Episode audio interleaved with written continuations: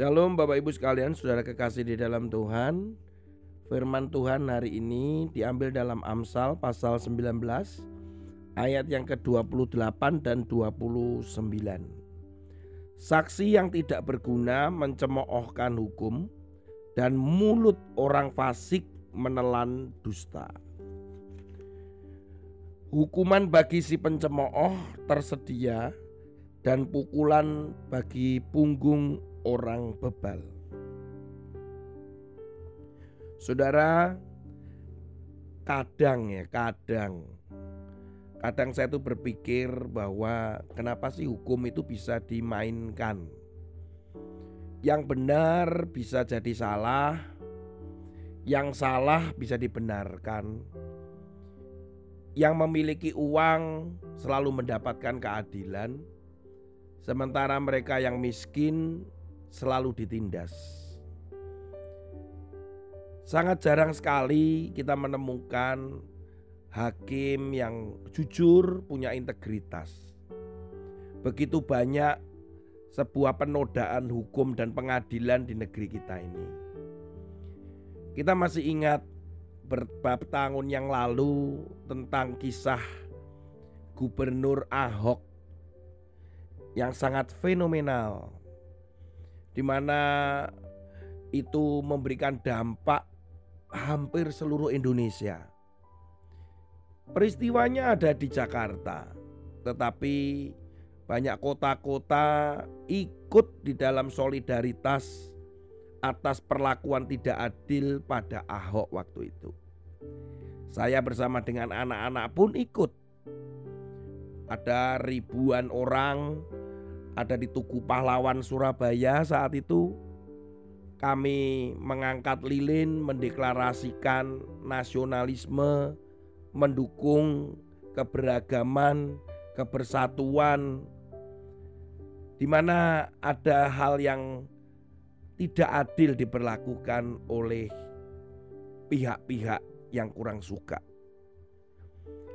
Di sini kita melihat bagaimana saksi yang ditampilkan sedemikian rupa dengan agenda dramatisir untuk menjatuhkan Ahok lewat klip film, ucapan, rekaman yang sudah diedit jelas karena memang tidak dilihat secara keseluruhan. Sang saksi pun mengungkapkan itu ada beberapa orang yang tanda petik sudah dibeli untuk menyudutkan si Ahok. Demikian pula saksi-saksi yang dikeluarkan oleh Ahok dan orang-orang begitu banyak juga yang akhirnya juga ditampilkan saksi-saksi ahli, artinya ahli tata bahasa, bahkan sampai pada uh, ahli seorang psikolog bagaimana melihat niatan motivasi seseorang. Saudara apa pun alasannya tetap pokoknya Ahok harus dipenjara. Saudara hakim ketika memutuskan vonis waktu itu semua menangis. Saya juga sedih. Banyak orang meneteskan air mata. Untuk pertama kalinya ada di Jakarta begitu banyak karangan bunga saat itu yang menunjukkan keprihatinan, termasuk sebetulnya juga dukungan untuk Ahok. Bahkan saat Ahok harus masuk ke penjara saat itu, semua orang datang memberikan bunga dan sebagainya. Itu sangat fenomenal. Sejak saat itu mulailah pengadilan itu disorot, keadilan itu mulai dilihat.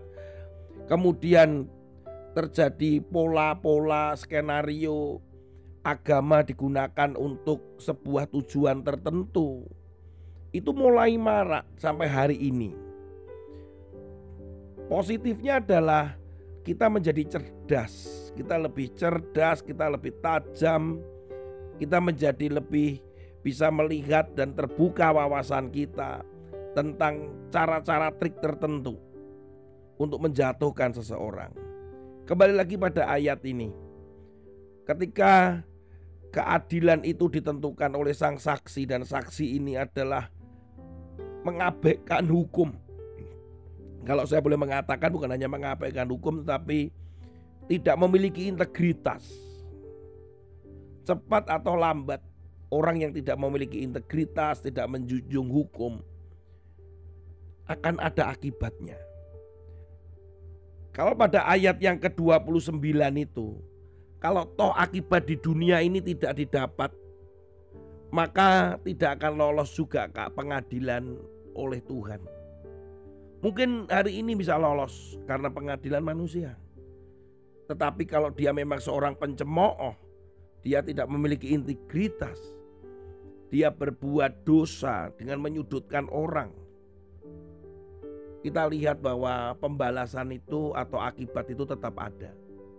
Bukan bermaksud menggatuk-gatukkan sehingga muncullah istilah ketika Ahok masuk penjara dia mengatakan Gusti mboten sare. Tuhan itu tidak tidur. Pembalasan bukan dari saya katanya. Tapi Tuhan yang melakukan.